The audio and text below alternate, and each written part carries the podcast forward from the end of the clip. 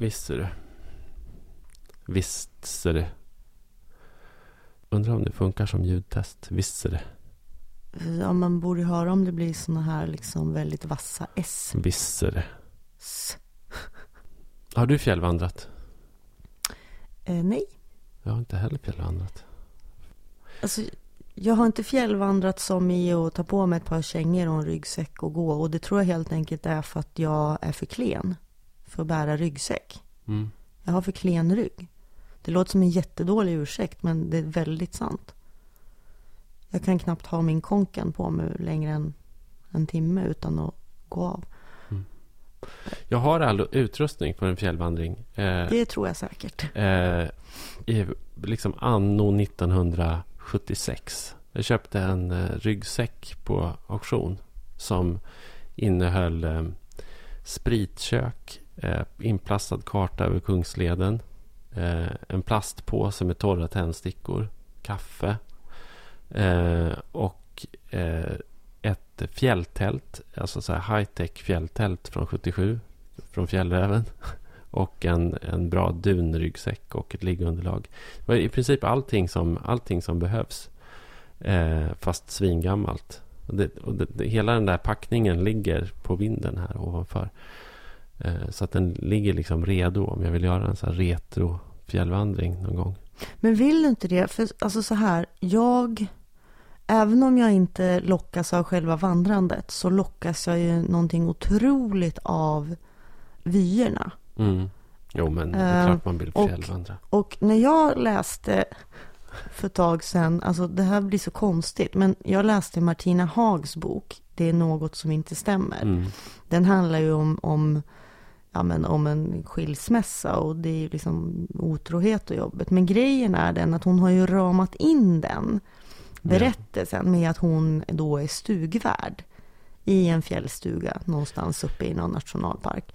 Dit hon flyger med helikopter och är liksom helt ensam för att hon ska skriva sin bok där om.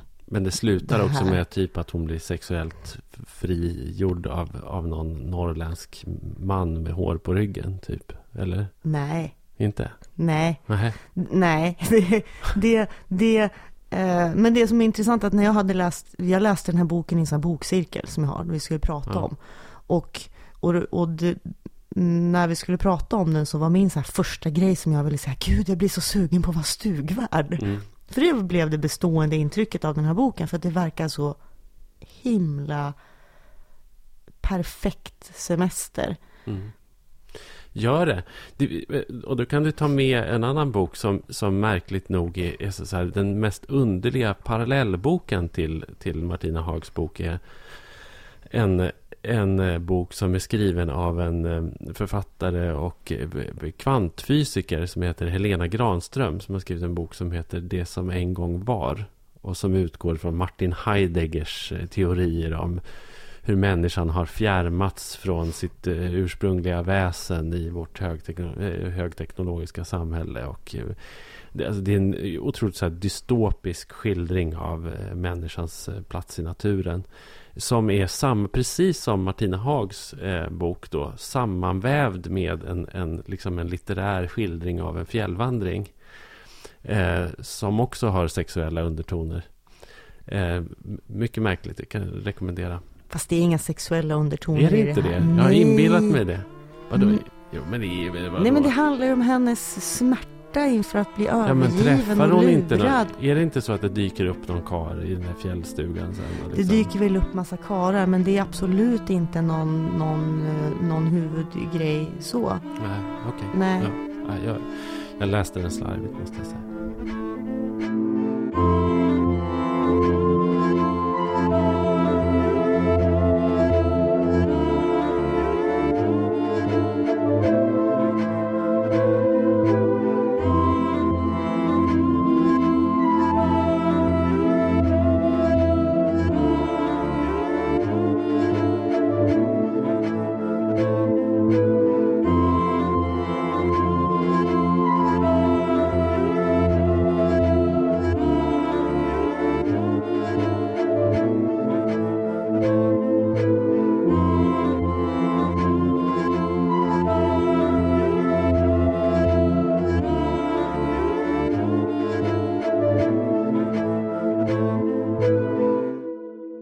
Alltså jag tror ju också att det här med fjällvandring nu är ju inte som, eh, som den där eh, utrustningen som jag har då. Som någon använde för att gå typ en mil på Kungsleden 77 och sen stuvade undan det där och aldrig använde tältet mer.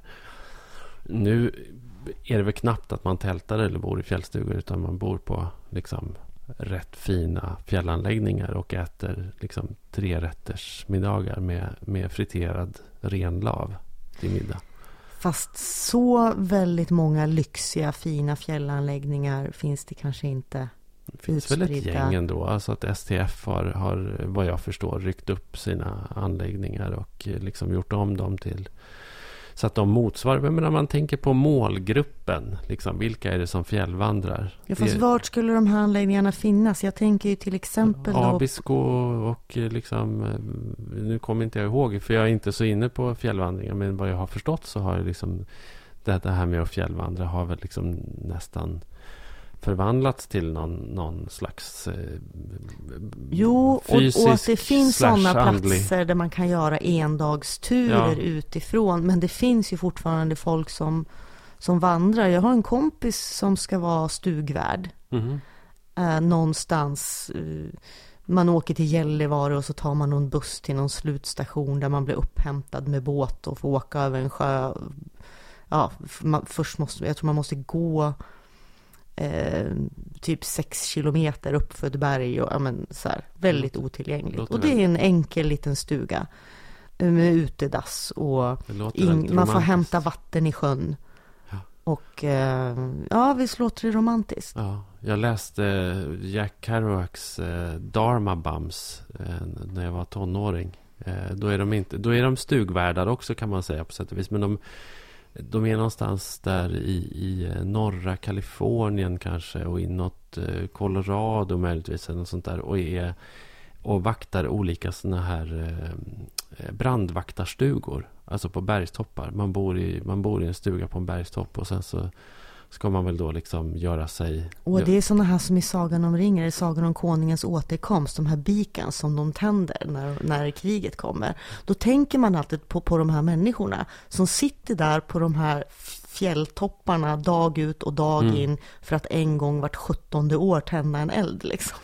Lite så. Eh, och, och, i den där boken då, då, då är det ju verkligen eh, de har snöat in på buddhism och eh, på naturen. Och så sitter de där och reflekterar i de där stugorna. De där stugorna är dessutom, jag har sett bilder på sådana där eh, brandvaktarstugor i USA. De är, väldigt, de är väldigt coola. Det är coolt utformade. Men det finns väl en väldig nostalgi kring eh, sådana där saker. Och liksom, alltså fyrvaktarlivet också. Den totala liksom eremit tillvaron men som ändå har ett, som ändå har ett syfte. Verkligen. Liksom. Jo, men, men, men om vi ska vara lite nostalgiska så här som det har funnits önskemål om. Mm. Så, eh, för det här påminner ju också om, jag hade ju en gång i min ungdom en pojkvän som, som du är bekant med också. Mm. Som, som fick någon idé om att han skulle bli självförsörjande. Mm. mm. Och han var ju typ 18 år gammal och hade en kompis som var långt, några år Långt före sin tid. Äldre, ja.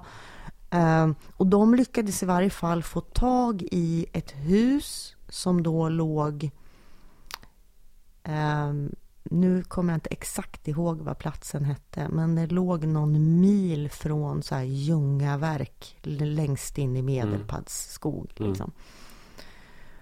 Mm. Finnsjön hette det. Mm. Ja, och det var alltså ett, ett, hus som de fick låna. Där mm. hade bott en gammal farbror som hade dött. De kom dit och huset var precis som det hade varit när han dog. Alltså hans sno, näsdukar låg kvar på sängbordet. Mm. Och de bara flyttade in i det här mm. huset. Och det var liksom vattnet var avstängt eller om ledningarna hade frusit sönder eller något. Men det fanns inget rinnande vatten. Eh, det var vedspis. Det fanns el till belysning, tror jag. Mm. Men i övrigt liksom inga faciliteter överhuvudtaget. Och jag minns så väl, eh, jag var ju väldigt kär i honom och sådär. Skulle jag åka dit och hälsa på en helg. Eh, och så hade hans kompis någon gammal eh, folkvagn, Bubbla. Mm. Som, som, som jag blev hämtad med. Åkte till det här huset i skogen skulle vara där över helgen och så pajade den här bilen. Så vi tog oss inte därifrån. Då skulle man måste gå liksom två mil till närmaste busstation. Så där. Alltså jag blev kvar där i typ två veckor. Och maten tog slut, typ. Mm. Men jag kan ändå, liksom, när jag tänker tillbaka på det, så har jag ingen minne av att det på något sätt var hemskt. Utan det var mer så här så att man gick och gruvade sig. Alltså vi, vi hade ju kunnat se till att bli hämtade, men vi ville liksom inte Nej. det. Och till slut fanns det bara kornmjöl Mm. och gula ärtor och en låda med lök kvar. Mm. liksom. Det, Så låter, vi- det, det är som första världskriget. Ja, liksom. ja. så Mm. vi åt alltså ärtsoppa och så bakade vi någon slags bröd på kornmjöl och vatten. Mm. Och levde på sista veckan i det där huset. Och så löste vi korsord. Vad smärta och fina ni måste ha blivit. Ja, det har jag ingen minne av. Men vi smälte snö för att ha vatten till Ja. matlagning. Och tvätt, men liksom ingen tvättade inte håret eller Nej. ingen dusch eller något sånt där. Och jag minns bara hur, liksom, hur härligt det var det här också att ehm, att det gick inte att vara stressad över någonting. Nej. Att man gjorde det man skulle, liksom. tog, tog in sin snö, smälte den, lagade mat, åt den, diskade, löste korsord. Hade det varit idag Högg hade man gjort en tv-serie på Barnkanalen om det. Mm. Ja, herregud. Ja, men det var, det var folk som ägnade sig åt sådana här saker. Jag hade också kompisar som, som eh, lånade något gammalt hus och trodde att de skulle... Och för att inte tala om min föräldrageneration som ju ägnade sig i allra högsta grad åt det där. Det verkligen en, en, verkligen en, svunnen, en svunnen tid. De som gör sånt där idag konceptualiserar ju skiten om det. Eh, Liksom, eh, man tänker sig att eh, nu kanske din gamla pojkvän inte var lagd åt det hållet. Men, men man tänker sig att, eh, att han hade gjort det idag. Då hade han kanske så startat en blogg om det. Liksom. Eller livepoddat från stugan. För att berätta om eh, hur, varje, hur liksom, sysslorna var varje dag. Och vad han gjorde. Och Fast det fanns ju inget internet där. Nej men jag vet. Men idag finns det ju, liksom, idag finns det ju säkert utmärkt 4G-uppkoppling i Finnsjön. Så det skulle säkert, det skulle säkert lösa sig.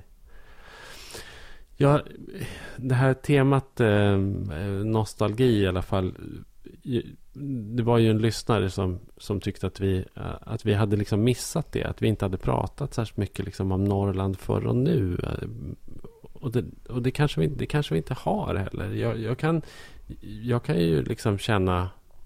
Jag tycker inte att jag är en särskilt eh, nostalgiskt eh, lagd person. Däremot så märker jag ju på ont och gott att jag utgår ganska mycket eller lite för mycket eh, i det förflutna när jag ska liksom bedöma nutiden. Att jag kan, att jag, jag kan ha så minnen till exempel av, när, just, och särskilt vissa orter så där som jag har minnen av från när jag var barn. Till exempel Ramsele. Mm. Alltså att, att jag minns hur det var i Ramsele en sommardag i mitten av 70-talet. Och eh, hur otroligt mycket liv och rörelse det var. Att det var liksom allting var öppet. Det var folkliv.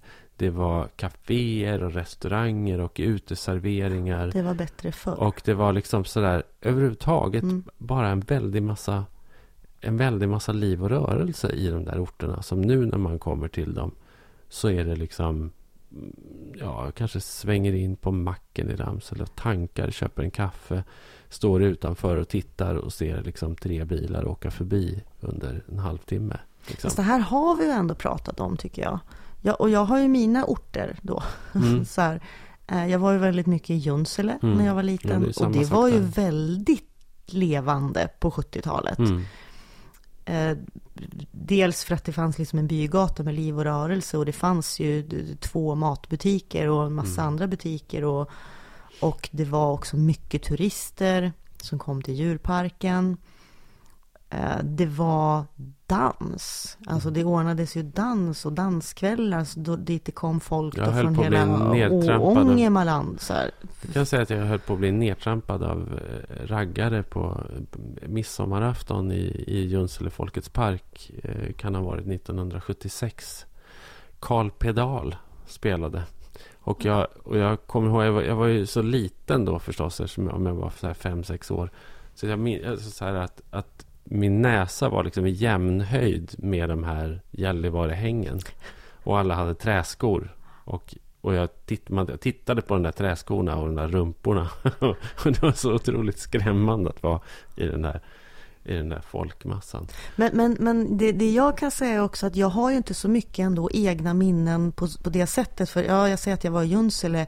Nej, vi var i en liten by utanför Junsele. Och det var mm. där vi var. Vi, cyk, vi kunde cykla in till Junsele och handla eller ta bilen dit och gå på djurparken någon gång varje sommar. Men, men, men mest så var ju jag ute, ute på landet. Och det var väl som landet vart som helst.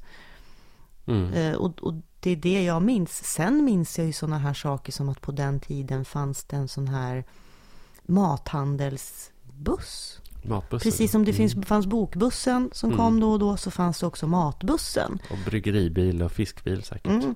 mm. Men, men särskilt den här matbussen som var, alltså man köpte mjölk och smör och mm. frukt och ja, som en liten snabbköp liksom. Och det är sånt som inte finns längre, som jag minns verkligen...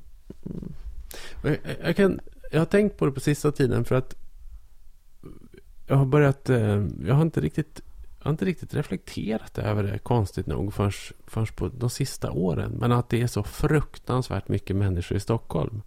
Alltså jämfört med förr. Eh, jag flyttade till Stockholm 1989. Jag var ju i Stockholm mycket också under min uppväxt. Men att Stockholm krympte ju eh, i invånarmässigt alltså från 60-talet och fram till 80-talet, så minskade ju Stockholm eh, ganska mycket med i befolkning och har sedan dess ökat. Och sen slutet av 80-talet så har ju Stockholms innerstad tror jag ökat med nästan 200 000 invånare. Så det är ext- och plus alla som då reser in varje dag för att arbeta och shoppa och sådär liksom. På ett sätt som man inte gjorde tidigare. Men, men alltså så här, så mina barndomsminnen känner jag nu är liksom att Stockholm när jag var barn var tomt. Att det var, det var så lite människor. Och det var gamla människor. Det var lite människor. Var gamla människor som släpade sig runt. Och när jag själv flyttade till Stockholm så var det så få unga människor så att man hade en upplevelse av att man kände alla. Liksom. Men vart var du någonstans På, på Söder, då? på Skånegatan. Eh, ja, men, men innan, och, när du var liten alltså? Ja, när alla var gamla tanter? Ja, på Söder. Ja. Eh, och så, så i, mina motsvarande minnen då från olika norrländska inlandsorter är att det vimlade av människor. Att det var liksom så här, att det var ett folkliv och handel och rörelse och liksom eh, det, det, är så konstigt. Jag, jag, tror att jag har rätt. Jag tror att mina minnen, jag tror att mina minnen är korrekta nästan. Eh, även om de säkert är Ja, alltså det här känner inte jag igen. I och för sig så var jag ju verkligen inte i Stockholm när jag var liten. Vilket kanske också är någon sån här tidens tecken. Att, att jag minns väldigt väl första gången jag åkte till Stockholm. Mm. För att det var en stor grej. Och då var jag säkert 10-11 år. Mm. Skulle dit över en helg. Liksom och hälsa på några gamla släktingar som jag ändå mm. hade där. Och jag kommer ihåg första gången jag åkte tunnelbana. T-centralen kommer jag ihåg. Och jag tyckte bara att det var otroligt skrämmande och lite liksom läskiga miljöer så här och mm. mycket folk då. Men det var ju som sagt T-centralen. Mm. Sen åkte man väl till någon förort då. Och, och där kanske inte var så mycket mm. folk. Nej, så att jag har, jag har ju helt, helt andra minnen av Stockholm. Eh, men jag minns ju väldigt, alltså jag minns också sådana här gånger, Vilhelmina kommer jag ihåg. Uh, där min pappa är uppväxt, och också i en by långt utanför. Men när man åkte in till Vilhelmina så var det ju trångt på trottoarerna. Mm. Uh, upp, ja, har jag ja, minnen ja, av. Hur jag går där och är liten och det är massa folk och det är trångt och det är liksom handel på något sätt. Ja, ja, visst. Och det, ja, och det, det där det, det, är så märkligt. Men det där är verkligen... Eh, och för min egen del så har ju det där verkligen spelat in. Att, att för mig är ju det där själva defaultläget. Liksom. Mm. Att, att det ska se ut så där. Och att det ska vara de här... Eh, att det ska vara välmående och liksom... Eh, ja, affärsrörelser och eh, liksom ja. och, och sen så ser det ju inte, det ser ju inte ut så. Men det, det är ju också det är också det här att när man reser nu så kommer man ju liksom inte, ofta kommer man inte in i orterna. Liksom. Om det inte är, ja det är klart, eh, liksom i inlandet har de inte dragit. Där är det ju fortfarande så att huvudvägen går ju rakt igenom centrala Vilhelmina mm. fortfarande. Eller rakt igenom centrala Ramsele också mm. för den delen. Men annars är det Annars är det ju väldigt annorlunda. Liksom. Fast du, du pratar om de här skillnaderna du ser i, i antal människor jämfört med Stockholm och på landet. Mm. Jag ser ju tydligare förändringen i faktiskt då på landet. Och det handlar ju om natur, det handlar om allt som är igenvuxet. Mm. Till exempel i Vilhelmina där så fanns det en liten sjö som vi brukar fiska i. När jag var där för bara ett par år sedan för att kolla läget så var var det som igenvuxet. Alltså den här mm. utsikten mm. över sjön som jag mindes från barndomen fanns inte längre. Nej. Och samma i Junsele där, där vi, vi hade hus då ganska nära Ångermanälven där de flottade timmer. Mm. Som jag har jättetydliga minnen av också hur man stod på nipan och tittade ner och de flottade timmer. Mm. Så låg det timmertravar längs skogsstigen. Där är det ju så igenvuxet som man ser knappt älven. Och det finns stigarna är som borta till mm. och med som jag gick på. Det tycker jag är mer påtagligt och att som jag minns det när jag var liten så var det kor överallt. Mm. Men det, det, gick kor och betade. Det var alltså det här öppna landskap. Och nu gör inte det. Möjligtvis lite hästar så här då. Eh, mm. Har man bytt ut de här korna mm. mot. Men, men det tycker jag är den påtagligaste mm. skillnaden. Det är i landskapet. Mm. Jag har ju, jag har ju både faktiskt i, både i boken Norrland och i, i tv-serien Resten av Sverige så hade jag ju med en, en vykortsfabrikör. Eh, ja. Eh, Lars Wiklund. Och eh, han pratade ju om det där när han var aktiv då, vykortsfabrikör. Och åkte runt och tog bilder och åkte runt och sålde sina vykort. Och de såldes ju sen i alla mackar och alla bokhandlar och butiker runt om i hela södra Norrland.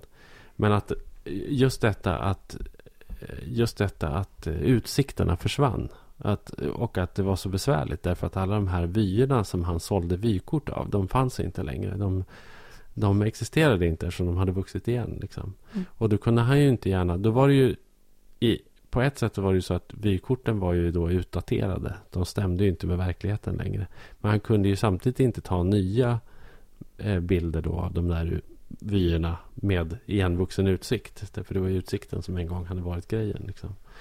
Så det är eh, knepigt läge det där. Och som vanligt så är det så att eh, du som lyssnar kan stötta den här podden eh, med hjälp av eh, Patreon.com. Eh, man går in på patreon.com eh, eh, snedstreck Norrlandspodden. Det är alltid svårt att säga Patreon. Eh, och eh, jag kan bokstavera det. P-A-T-R-E-O-N. Nej, sa jag fel? Patreon. P-A-T-R-E-O-N. Ja, du sa ja, nog rätt. Ja. ja. .com snedstreck Norrlandspodden. Där har man i alla fall möjlighet att bli liksom avsnittsgivare, avsnittsdonator.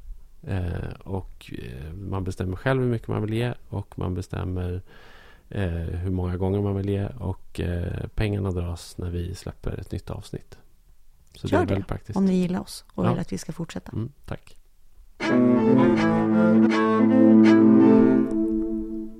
Alltså du sa förut att du vill prata om Söderhamn. Mm. Och att du skulle vara liksom positiv. Ja. Finns det något positivt att säga om Söderhamn? Alltså det är ju så att jag eh, har ju bosatt mig i Söderhamns kommun. Eh, och jag bor inte i Söderhamns eh, tätort. Jag bor inte i Söderhamns stad. Eh, utan det här är ju så här. För många människor som bor på landsbygden så måste man förhålla sig då till, till någon typ av centralort. Som man alltid har liksom blandade känslor inför. Därför att det är ett nödvändigt ont kanske många gånger att åka dit. Eh, för att det är en slags hubb och det är där servicen finns. Och det är kanske där barnen går i skolan. Eh, och samtidigt så är det liksom ofta centralorten som tar alla resurser på landsbygdens bekostnad. Eh, och jag har väl liksom jag har haft svårt att förlika mig med, med, med att jag bor i Söderhamns kommun. Och jag har haft svårt att förlika mig med Söderhamn. Liksom konceptet Söderhamn. Men alltså, att jag sa sådär, det beror på att jag känner att jag skulle vilja omvärdera det. Jag, jag, jag, känner att jag, att jag tänker att jag ska, jag ska bli en god ambassadör för, för den här lilla svenska småstaden. Eh, jag har gnällt oerhört mycket på, på Söderhamn genom åren. Eh, jag har verkligen ansträngt mig för att hitta olika fel. Liksom. Eh, men, men, nu har jag lite svårt att förstå hur jag har tänkt faktiskt. Jag till, borde... till och med så? Ja, men lite så. Men vad är det som har hänt då?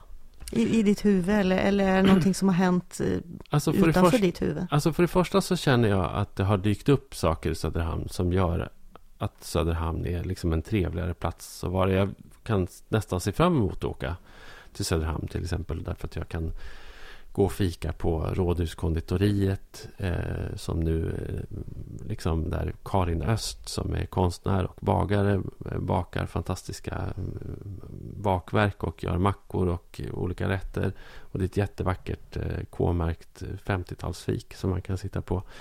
Och det har varit bra konserter i Söderhamn under våren. Eh, var, var tittade på Frida Hyvönen på, på teatern i Söderhamn häromveckan. Eh, och det är en väldigt vacker liten småstadsteater eh, som lämpar sig väldigt bra för den typen av liksom, arrangemang. Och då kommer det människor som, som man kanske normalt sett inte eh, förknippar med Söderhamn. Alltså en typ av yngre, lite, kanske lite mer kulturella, progressiva människor så här, som, som liksom samlas där och, gör att, och som gör att det känns som att ja, men här finns det ju ett sammanhang. Här finns det ju, liksom, här finns det ju någon slags rörelse åt något, åt något nytt håll. Och sen så, det som också har fått mig att tänka mera positivt på Söderhamn är att jag känner att det är en stad som har krisat så fruktansvärt hårt. Eh, så att många av de gamla liksom, hierarkierna, värdegemenskaperna och idéerna om vad Söderhamn är har liksom malts ner till småsmulor. Eh, och någonting nytt har faktiskt uppstått och liksom är på väg att uppstå i, i, i liksom askan av det här gamla.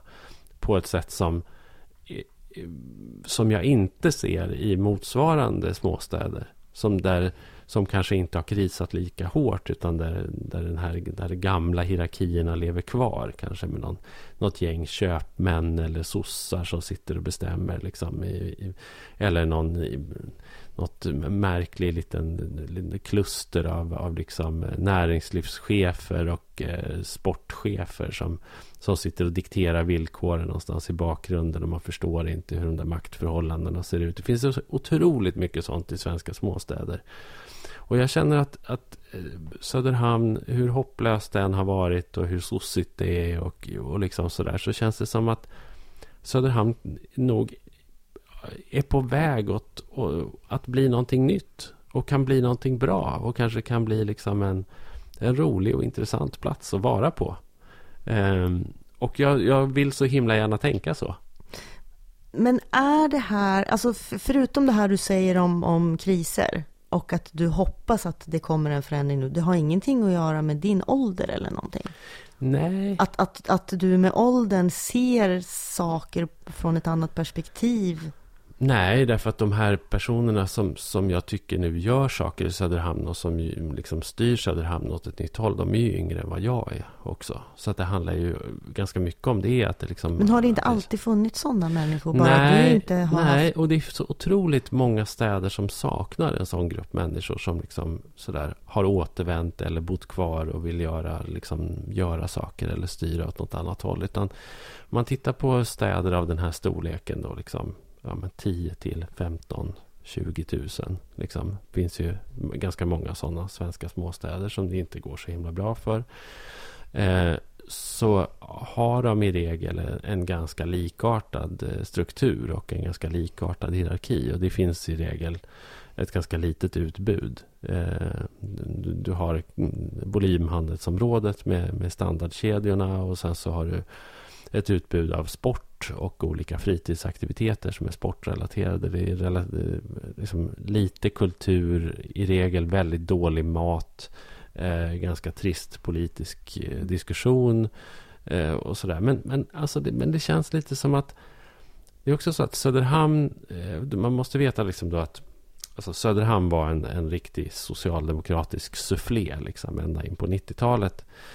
Eh, när, när Söderhamn under en ganska kort period förlorade eh, liksom, alltså, enorma andelar av, sin, av, av, av de arbetstillfällen som fanns i och med att F-15 och flygflottiljen försvann. Och sen en stor Ericsson-fabrik. Eh, som också försvann. Och sen en massa kringverksamheter kring det där också. Så liksom, och så att kommunen var verkligen i fritt fall. Och en av de saker som man gjorde det var att man startade, det har, det har vi pratat om i podden tidigare när vi pratade om slutbetänkandet från landsbygdskommittén. Det här med, det de gjorde var ju att de byggde upp en utbildningshubb. Mm. Eh, Centrum för flexibelt lärande heter det i Söderhamn. Eh, där det också sitter ett gäng forskare och där folk kan distansstudera och eh, som är som en mötesplats. Eh, och det där har ju fått betydelse. Det, det, det, har ju funnits ett bra tag nu och det har fått betydelse. Det man har också gjort eh, liksom riktade aktiva satsningar på, på att lyfta ungdomar. Och, eh, och det, det, kan ju man tycka är lite cheesy, men man antog liksom någon slags idé om att man skulle hålla på med entreprenöriellt lärande i kommunen. Och liksom, jag, tror, jag tror ändå på något sätt så känns det som att Fast de här idéerna som du beskriver nu på pappret finns väl i ganska många småstäder. Frågan är ju hur de, om de fungerar, om de ger någon slags resultat som, ja, märks. Men då tror jag grejen är att här har man hållit på med det så pass länge så att man nu börjar kanske se vissa resultat av det. Medan det, liksom det här har kommit senare på andra håll. Liksom, och då har man inte kunnat se. Alltså man måste ju också veta liksom att Söderhamn och motsvarande städer är ju, det, det är platser som verkligen inte har... De har ju inga strukturer som talar till deras fördel. Alltså det finns liksom verkligen ingen eh, kapitalackumulation. Det finns ingen investeringsvilja i den typen av städer. Man får inte invånare gratis. Man får inte infrastruktursatsningar gratis. Och eh, liksom, är man för långt ifrån eh, liksom, tillväxtmotorer så är det ett problem. Är man för nära en tillväxtmotor så är det också ett problem. Så, att, så att det är liksom eh, det är jäkligt knepigt. Söderhamn att, ligger lite för nära Gävle då? Lite för nära Gävle och kanske så här på samma gång lite för långt ifrån Stockholm. Liksom, så, där. så att det, men, men, men, men, om, du, om vi säger så här då, om du skulle försöka, du säger nu att det är ändå positivt, du är inte så negativ längre. Kan du sälja in Söderhamn till, säg en stockholmare som börjar fundera på att kanske flytta ut från Stockholm? Ja, men det skulle jag faktiskt kunna hur, göra. Hur gör du då? Få höra, ja, få höra pitchen. Ja, jag, jag, kommer ju nu låta då som en sån där vanlig marknadsförare av en svensk kommun antagligen som pratar om att det är naturnära och Kanske och ditt nya saker. jobb som sån eh, ja. Eh, Söder, alltså, Söderhamns kommun behöver någon som... Alltså mm. grejen är att det finns jobb i Söderhamns kommun om man, är, om man har gått högskola. Eh, för det finns då, alltså när Söderhamn hamnade i kris så, så fick ju Söderhamn då en utlokalisering av både PRV, Patent och registreringsverket och PPM, Premiepensionsmyndigheten. Och Arbetsförmedlingen har ett stort kontor som de nu ska utöka med någon slags digital kundtjänst eh, och rekrytera typ 50 pers till under 2017. Eh, så det finns ganska gott om jobb för eh, akademiker eh, i, i Söderhamn. Och det finns bostäder. Och det är nära till havet. Och det är ganska nära till Stockholm. Det tar två timmar med tåg. det finns bra fik. ett, och, bra, ja, ett bra fik. Det, finns, det ett, finns ett bra fik. Det finns bra, men det är faktiskt inte kattskit att det finns ett bra fik. Det måste man liksom så här för att de flesta, de flesta småstäder har inte, de har inte ens ett bra fik. Så, att, så att det, det, är klart att det liksom...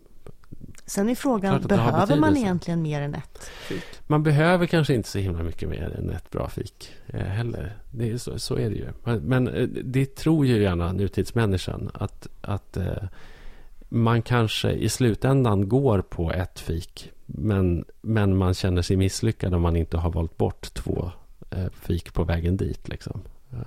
Men det kan man göra i Söderhamn också. Man kan faktiskt eh, välja bort eh, TVs och eh, Waynes Coffee och gå på Rådhuskonditoriet. Nu gör jag helt ogenerad reklam för men det är ju inte public service det här, så jag, jag, får göra det. Nej, får... Men, men det är klart att eh, jag förstår ju nu att, att min den här säljpitchen låter hyfsat banal. Eh, men, det, men alltså, ja, jag, jag tror att det, jag tror att man kan leva, jag tror att man kan leva ett hyfsat liv där faktiskt. Jag skulle inte vilja göra det själv. Eh, för att jag vill inte bo i en småstad. Men, men om man nu Nej, men man kan tänka ju, sig att göra Man det. måste ju kanske inte flytta till centralorten. Nej. För det som, som, man kan ju bo som du och, och köra den där. Det är inte många minuter ändå till Nej. Söderhamn. Nej, precis. Där du bor. Ja, och det är smidigt att resa till och från stan. Så mm. det är också bra. Så att, nej men, ja, jag vet inte. Jag, jag, men sen mest av allt kanske det är eh, någon slags behov av mig, hos mig. Eh, att, att eh, försöka, eh, försöka tänka lite positivt ändå. Och inte... Det här är någon grej som du har börjat med senaste halvåret. Är det det? Som återkommer. Ja, men det återkommer ju hela tiden ditt nya positiva tänkande. Det är inte så deppigt i Norrland ändå. Nu har ja. jag varit mycket i USA och jämfört och det ja. är fantastiskt hur allting fungerar här. Och det Vad är det som pågår? Vad är din eh, analys? Känner du, ja, alltså min analys av det är väl... Äh, är jag trött på mig själv eller har jag fått syn på någonting nytt? Kanske både och. Nej, nej, men alltså inte kanske trött på dig själv, men också... Um, men jag känner att man måste vidare. Det, det är liksom jag så här, tänker, ja, dels måste man vidare, men jag tänker också att det kan vara så att du nu då har gjort dig känd för att stå och gnälla om hur jävligt allting är i Norrland mm. i, i flera år. Men att du har börjat få gehör för de liksom svarta, svartmålningen som du har mm. anklagats för. Börjar få lite gehör, man ser, du ser att det rör på sig, att flera av de här frågorna som du har tjatat om i flera år ändå faktiskt på olika sätt börjar lyftas.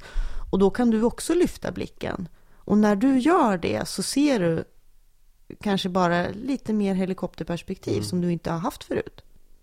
Jo, men så kan det nog vara. Men det, det är också liksom på något sätt att, att kritiken eh, leder ju... Alltså kritiken är viktig eh, och problematiseringarna är viktiga.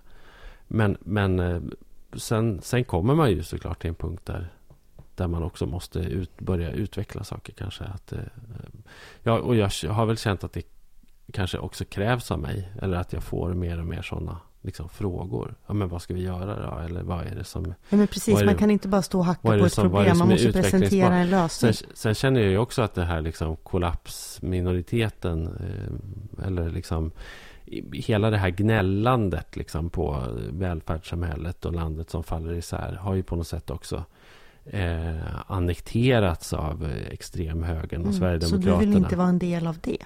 Det är säkert, eh, det är säkert en sån impuls, liksom, att jag måste distansera mig från eh, från, från dem. Jag vill inte, jag vill inte vara en del av den ju, kören. Det ingår liksom. ju i hela det här, i, i, så, som man, jag tycker också att man ser mer och mer från olika håll, att man faktiskt, eh, alltså på gott och ont, för det är ju lite problematiskt ändå, när man ser att, att någon form av opinionsbildare eh, helt plötsligt i mycket högre grad ställer sig liksom på det offentligas, på statens, på myndigheternas sida eh, mot populismen och högerextremismen.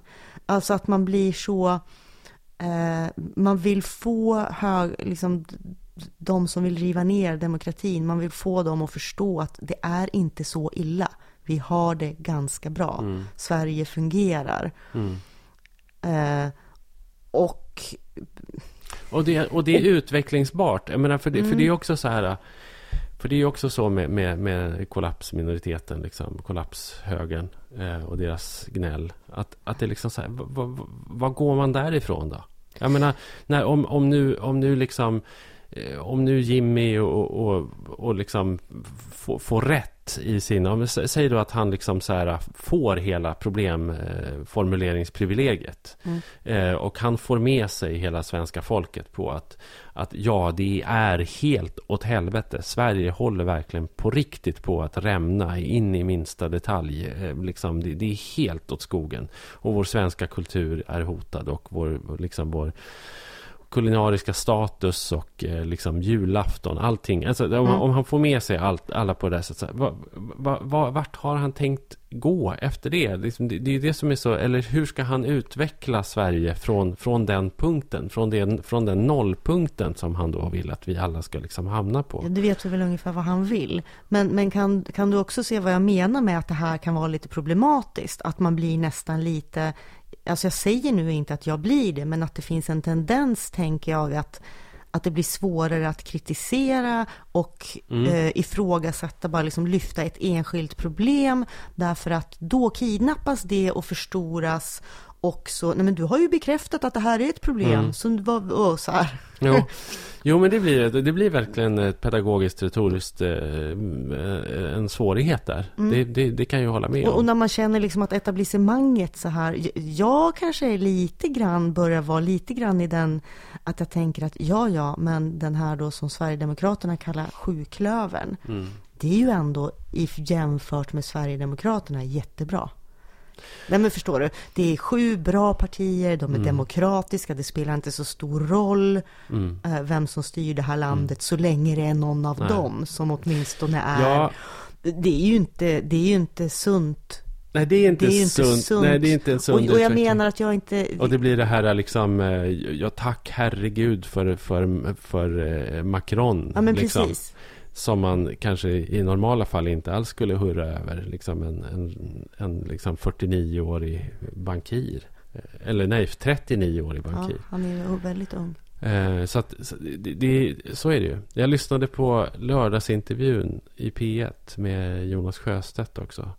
Eh, och jag kände när jag lyssnade på honom att, att det var så uppenbart också. Att, att det var viktigt för honom att vara positiv och att Vänsterpartiet skulle framstå liksom som ett parti med ett positivt budskap. Vilket de ju liksom inte har varit. Eh, Men, men det är nog samma sak där helt enkelt. Att de, de får ju svårt att vara samhällskritiska. Vilket ju då li- verkligen ligger i liksom Ligger i deras natur och ligger, i, der, mm. ligger i, i deras politiska analys natur att vara. Men, men att det blir ju svårare att göra, eller svårare, svårare att vara det eh, i det här läget. Liksom, när samhällskritiken har annekterats av Av ja, populistiska, antidemokratiska krafter. Men du, ska vi, ska vi släppa det här nu bara? Eller har du något mer att tillägga? Nej, nej, vi kan återkomma en annan gång. Jag tänkte, jag tänkte göra ett lappkast. Ja, snyggt. Snygg eh, P4-övergång. Ja. Ja. Pro- alltså, ordet lappkast, det är Ja. lite problematiskt. Men det betyder ju alltså att göra ett... eh, Det kommer sig av hur man liksom lyfter på skidorna och byter håll så här. Mm. Men ett tvär, en tvärvändning. Mm, Mm. Men eh, det är ju inte så här helt korrekt och bra att använda prefixet Lapp. lapp. Nej. Och eh, jag vet inte, men jag eh, har inte tänkt jättemycket på det. Jag vet ju att, man, att det heter samer. Man Mm. säger samer. Mm. Men jag har inte reflekterat så mycket över alla andra ord som också innehåller ordet lapp. Mm. Eh, och och, och det, det, finns, det finns många. Jag har liksom några, alltså ett ord som jag inte ens visste eller liksom någonsin har tänkt att det, att det är associerat med samer. Det är ordet fattiglapp. Är det det då? Ja, det, det var alltså benämningen på icke renägande samer. Ja, ja. Just det. Som var fattiga Mm, och typ vandrade omkring och Precis. tog ströjobb och tiggde. Och det typ. har ju, det, alltså om man vet det så hör man ju själv att Ja. det är ett dåligt ord att använda Därför att, om random fattig Ja, person. för Ja. vissa, vissa ord som innehåller eh, liksom ledet lapp eh, är ju också kopplat till landskapet Lappland. Ja, Men, men då är det ju så här, har har jag också när jag har försökt att fördjupa mig lite i frågan, att det finns ju Eh, nu är det ju så här att sa, även samer är ju individer, alla tycker ju inte likadant om det här. Men det finns ju en rörelse som ändå inte tycker att Lappland är ett okej namn på ett landskap. Ja, mm. Alltså som verkligen vill ta bort, ta bort lapp ur språket för Mm. att det anses förnedrande, ungefär som n-ord. Alltså de tycker det är lika hemskt Mm. som n-ordet. Mm. Och att man inte då ska använda de här andra orden heller. Eh, och alltså det, det, och det finns som sagt, när man för den här diskussionen så kommer det också alltid någon som är samisk och säger nej men för mig är det okej. Ja, jag vet att jag Eh. gjorde ett reportage en gång och var ute och åkte och med tre äldre samiska män som inte var renägande utan som liksom såg sig själva som förlorare i politiken. Och de refererade sig själva till lappar. Eh, de refererade till sig själva som lappar just, just för att de tyckte att det liksom och det, och det kan de ju göra själva. Jag, sku, jag skulle ju inte... Jag skulle ju inte... Det skulle inte vara okej om jag eller någon annan kallade dem för lappar. Men, men de själva gjorde det för att på något sätt understryka att de var förlorarna i, i, i samepolitiken. Där Mm. samerna är vinnare och lapparna är förlorade då, förlorare enligt Mm. dem. Då. Mm. Så att, eh, ja. Men, men jag hamnade i en intressant diskussion eh, om det här med en person på Twitter eh, som faktiskt använde just ordet lappkast. Eller det var, det var faktiskt Annika Strandhäll som Mhm. använde det ordet. Och han blev så förtjust för att han sa det är så länge sedan någon, någon Mm. använde ordet lappkast. Vad glad Mm. jag blir. Och eftersom jag vet att här, den här personen generellt är liksom en politiskt korrekt människa så sa jag lite försiktigt att ja, fast det kanske inte är jätte-PK-ord att använda. Och han bara, vet du ens vad det betyder? Det har med skidåkning att göra, sa han. Mm. Ja, jag vet precis vad det betyder, men nu tänkte jag på prefixet. Mm. Ja, ja, men det kommer ju från lapp. Och så, men, ja, och just därför. Mm. Och så säger den här personen, ja men jag är norrbottning. Jag har alltid sagt lapp och har aldrig menat något illa med det. Nej. Du hör ju. Mm. Ja, jo, jag vet Ja. var man hamnar då. Liksom. Ja. Det är- ett Och- svår, svårt och- läge. Och, och, men, men det var ju genom att han själv sa det så blev det ju också, då sa jag ja, och jag växte upp med att man sa n-ordet. Mm. Det stod recept på, liksom, på En- havregrynspaketen. Ja. Eh, när jag växte upp. Och jag menar inget illa med det då heller, men nu vet jag bättre. Ja. Och då, där någonstans gav han sig. Mm. Eh, och, och gick med liksom på att det, det, nej, jag har inte tänkt på det. Eh, men vet alltså, jag, koll, jag kollar det här, eller vi kollar det här, eh, vad, ordet, eh, vad ordet lapp faktiskt kommer ifrån, hur pass gammalt det är. Det, första, det, det första belägget för ordet lapp i då skandinaviska källor återfinns i ortsnamnet Lappia, alltså Lappland. Mm. Jag har trott att det var tvärtom. Ja, just det. Att, att, att Lappland fick sitt namn för att det bodde då vad man kallade lappar där. Ja. Men det är alltså tvärtom. Att det Lapp, Lappland kom före ja, ord, ordet. För att på den tiden så kallades inte lappar snedstreck samer för, Nej. för lappar. Utan de kallades väl för finnar, skridfinnar och Ja. andra saker. Ja. Eller hur? Ja. Eh, Det här nämndes då i Saxo Grammaticus Gesta Danorum skriven på latin cirka år 1200. Mm.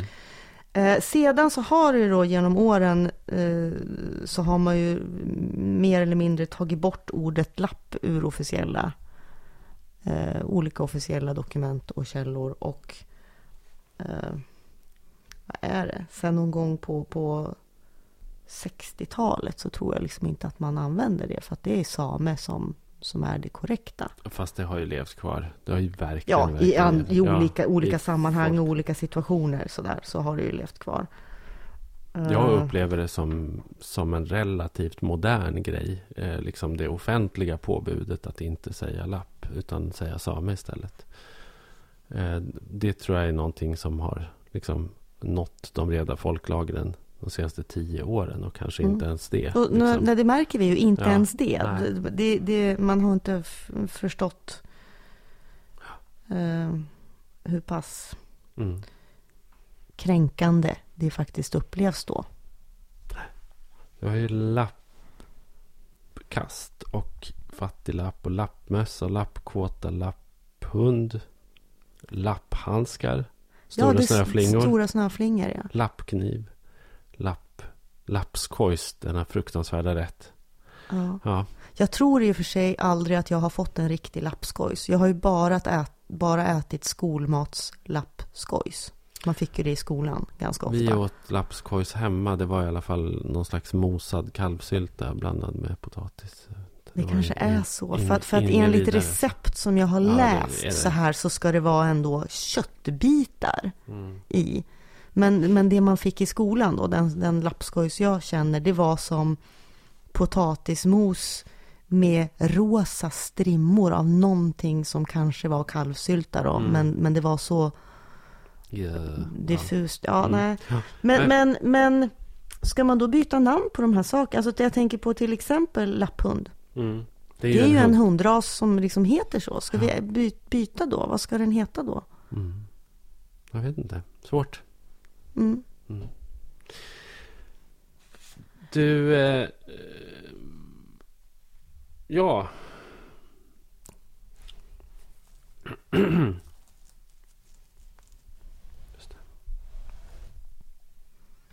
Vi brukar ju försöka ha koll på populärkultur från norr. Ja, och det har ju varit alltså, en uppsjö eh, serier som har utspelat sig i norr här på sista tiden. Mm. Inte minst Kiruna. Med Midnattssol som vi har pratat om Mm. tidigare. Och nu har ju eh, nyligen här TV4 sänt en, en hel säsong av Rebecca Martinsson. Eh, en tv-serie baserad på Åsa Larssons deckare. Eh, som de forcera sig igenom måste man väl ändå säga. Det är åtta avsnitt och då är det liksom en bok eh, ryms i två avsnitt av serien. Så det går, det går undan i svängarna. Det, folk dör som flugor. Eh, och Rebecca Martinsson eh, krisar och kommer tillbaka om vartannat. Och eh, säger upp sig och, och återträder i tjänst om vartannat. Eh, på, I väldigt högt tempo i den där serien. Det, det kan jag tycka är en svaghet. Men med det sagt så måste jag säga att eh, den där, alltså den tv-serien, det är faktiskt den bästa eh, norrländska, eh, det, det är faktiskt den bästa skildringen av Norrland skulle jag säga. Som har gjorts på evigheter och eh, särskilt i, i liksom kommersiell tv-format. Eh, om vi tittar på, på liksom TV, eh, filmer och, och tv-serier som har gjorts de senaste åren. Så tycker jag att den är, den, den är sån tonträff. Det är så bra casting och det är så bra miljöer. Och, eh, och det, det är roligt och det, och det är otroligt bra skådespeleri skulle jag säga. Ehm, så jag, är, jag är verkligen sjukt impad av den. I sista avsnittet så är det en helt underbar sekvens där, där huvudpersonen Rebecca Martinsson super ner sig tillsammans med en obducent. Och de är ute och åker taxi mitt i natten och de är på, totalt på, på lyset. Och det är en sån där, äh, i sin enkelhet, en ganska kort sekvens, så får liksom regissören fram den där norrländska magin. Eh, liksom med, med ljuset och stämningen och fyllan och liksom på ett sätt som inga andra har gjort. Eh, eller lyckats med tycker jag. Eh, och, och det är jättemycket tack vare eh, castingen och skådespeleriet. Jag tycker Eva Melander som spelar eh, eh, Eva Maria Mella heter hon väl, Mm, den här polisen. polisen. Eh, och som spelas av eh, Eva Melander som jag inte alls tror är norrlänning. Men hon spelade ju mamman i Flocken. Eh, filmen Mm, som, mm, som vi pratade om precis. för ett par år sedan. Eller ett Mm. år sedan kanske. Och Thomas Oredsson som spelar hennes kollega och som polis. Och deras respektive samspel. De är så jävla roliga. Och så jävla norrländska.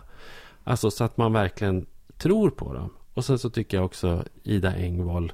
Som har lite problem med att och liksom så här pricka norrbottniskan. Hon är ju faktiskt från mina trakter här i, i Hälsingland. Egentligen. Men hon är också jättebra. Eh, och, så att, eh, jag är sjukt impad av den där tv-serien. Mm. Men det känns inte som att folk har tittat på den riktigt. Jag inte. Alltså, jag, jag, jag tänker så här, jag har sett några avsnitt. Eh, Jag tycker väl att den är ungefär som en halvbra svensk kriminalserie. Nej, Nej men vänta, får jag, får, jag prata, ja. får jag prata till punkt? Ja. Alltså om man gillar kriminalserier så absolut så är den bra. Alltså så. Eh, men eh, i sin genre, så. Mm. I sin genre är den väldigt bra. Eh, när det gäller eh, hur man skildrar då eh, just eh, att Kiruna och sådär, då vill jag ju också faktiskt, måste jag ju ge en eloge här till Åsa Larsson. Alltså jo, jo. det är ju det. Det här bygger ju ändå på på en deckarserie som också faktiskt för att vara deckare håller hög kvalitet. Eh, där hon skildrar eh, det som händer i, i, i och runt Kiruna utifrån ett Kiruna-perspektiv. Ja, och, och det är, hon är duktig med karaktärerna. Hon mm. har ju också serverat liksom ett, ett gäng eh, väldigt tydliga, starka karaktärer som är genomtänkta till regissören. Så att han har ju liksom haft något att jobba med. Jo, sen ska det väl också sägas att det, det här är inte första gången det filmatiseras. Nej. Utan det har, ju, det har ju gjorts tidigare då med Isabella Scorupco i huvudrollen. Och ja, Micke Persbrandt eh, hade ju en roll. Det var inte lyckat alltså. Solstorm. Ja, det var inte lyckat. Eh, det var ju framförallt inte särskilt... Eh, det var ju inte trovärdigt ur, ur då det norr, norrbottniska perspektivet alls. Eh, men sen var det ju det att just den Solstorm var ju också kanske den allra mest spektakulära av de här böckerna. Och den är inte med i den här serien, eller hur? Det har inte jag, jag har inte sett alla, inte. jag har inte sett alla avsnitt. Nej, för den var ju Nej. också, den var ju väldigt, väldigt... Eh... Det var mord i frikyrkomiljö. Ja, men precis. Ja. Sekt, mm. sekt eh... ja det mm. börjar ju med, med riktigt sektmöte, mm. så här, som sätter nivån. Nej, så, att, så det har gjorts för och ja, absolut, det här är, är mycket, mycket bättre gjort. Ja, och det är bra kvinnoroller. Jag tycker bara det, det faktum till exempel att Rebecca Martinsson liksom eh, alltså super och eh, Jo, liksom. men det hänger väl också ihop med, med, med, med ursprunget. Det, ja. alltså, det hänger ihop med Åsa Larsson och, och att hon gör det här, alltså hon har ju skrivit böckerna utan att på något sätt exotifiera eftersom hon kommer ja. därifrån själv. Hon, hon, beskriver miljöer som är, som är eh, trygga och hem, Eller det är exotiskt men hon kan det. Liksom. Jo, det är väl det jo alltså det blir väl exotiskt kanske för en utomstående mm. betraktare. Uh, Ja, sen så har det ju som sagt, eh, nej men alltså absolut i genren, jag, jag säger inte att det är dåligt, men jag säger att det är fortfarande en deckarserie. Och det är fortfarande ja. väldigt svenskt. Och det, och det är fortfarande som det kan vara i väldigt, väldigt många svenska filmer mm. och tv-serier. Ibland lite styltig dialog och sådär. Liksom. Ja, ja visst. Absolut. Du, du står och hyllar det här som om det vore ja, något men jag liksom tycker, riktigt, Ja, men alltså jag tycker jag... Nej, men jag har haft... Jag har liksom haft eh, liksom högtidsstunder när jag har tittat på den där avsnitten. Jag har tyckt, mm. att, det har varit, jag har tyckt att det har varit riktigt bra. Och särskilt i jämförelse med man, liksom SVT kom där förra året och verkligen så spände bågen med midnattssol. Liksom, att nu jäklar, nu nu, nu levlar vi här liksom när, när det gäller norrländsk eh, crime och liksom noir. Eh, nu, nu händer det här. Och det, var, och det var så spektakulära mord och det, var, och det var andligt och det var trolltrummor och det var liksom nojder och, och, och helikopteråkningar. Och, och sen så kommer det här liksom från TV4 kommersiellt och liksom sådär glider in lite från sidan.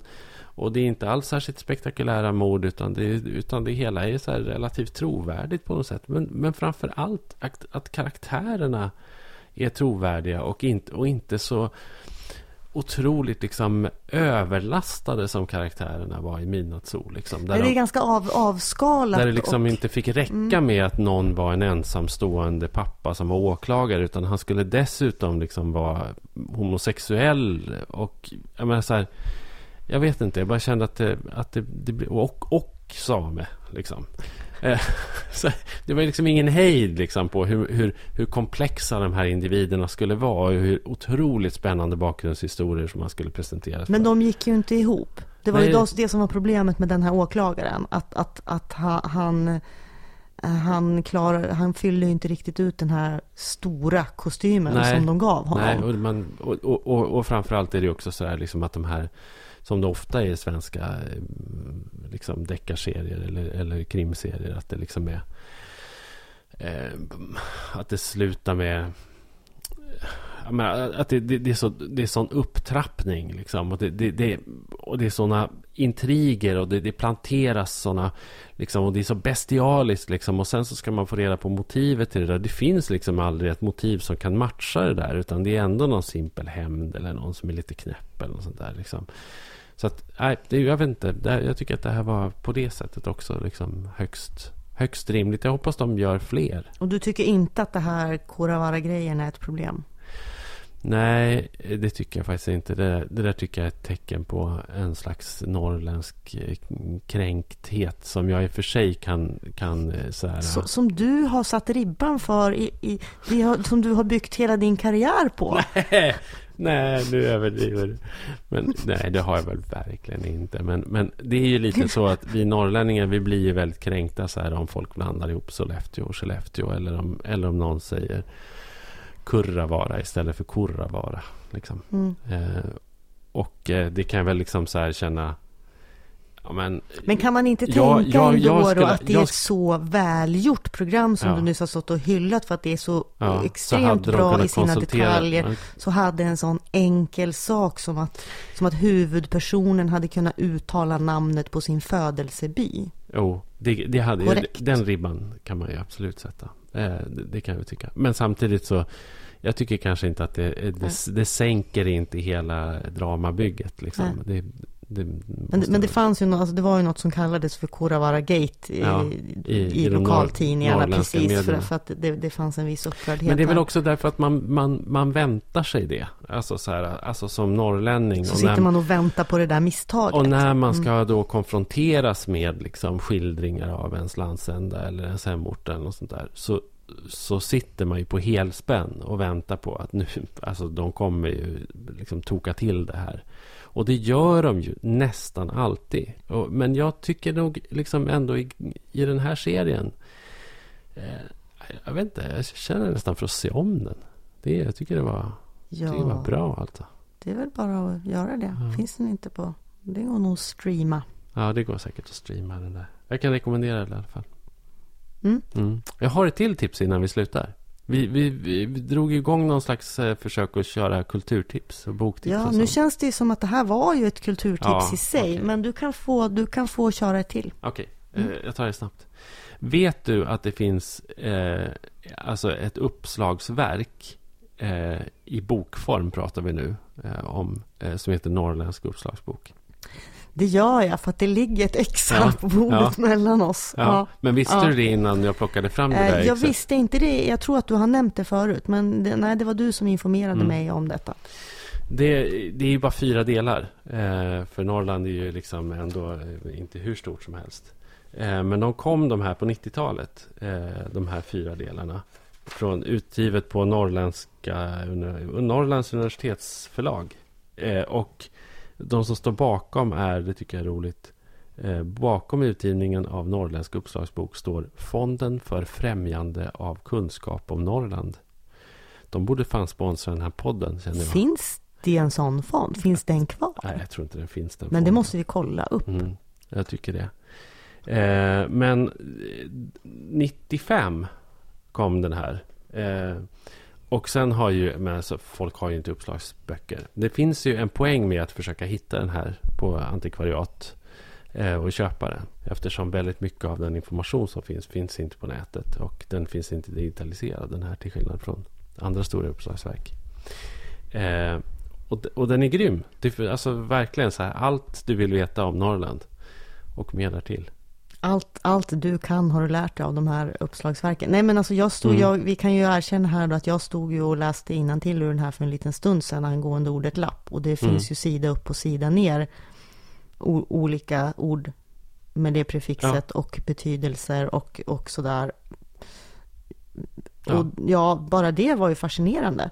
Som att vad var det vi upptäckte? Att en av de första svenska långfilmerna i färg Just det. Hette... Lappblod. Ja. Hade, visste du det förut? Nej, jag hade ingen aning. Nej. Den, den filmen måste ha försvunnit någonstans. Men det, är, det, det blir väldigt intressant nu med tanke då på att den första stora sydsamiska filmen som har gjorts Ja, heter... sameblod. Mm. Det är verkligen intressant. Mm. Spektakulär vildmarksmelodram producerad 1947. Eh, Ragnar W. Frisk regisserade. Den dyra Technicolor-tekniken och ett svagt publikintresse gjorde filmen till en ekonomisk katastrof som knäckte det folkrörelseägda produktionsbolaget Filmo. Den här, jag känner att jag, vi borde, Du borde få tag i den. borde titta på den. Ja, Ja. Mm. Tack för idag Sofia. men tack ska du ha.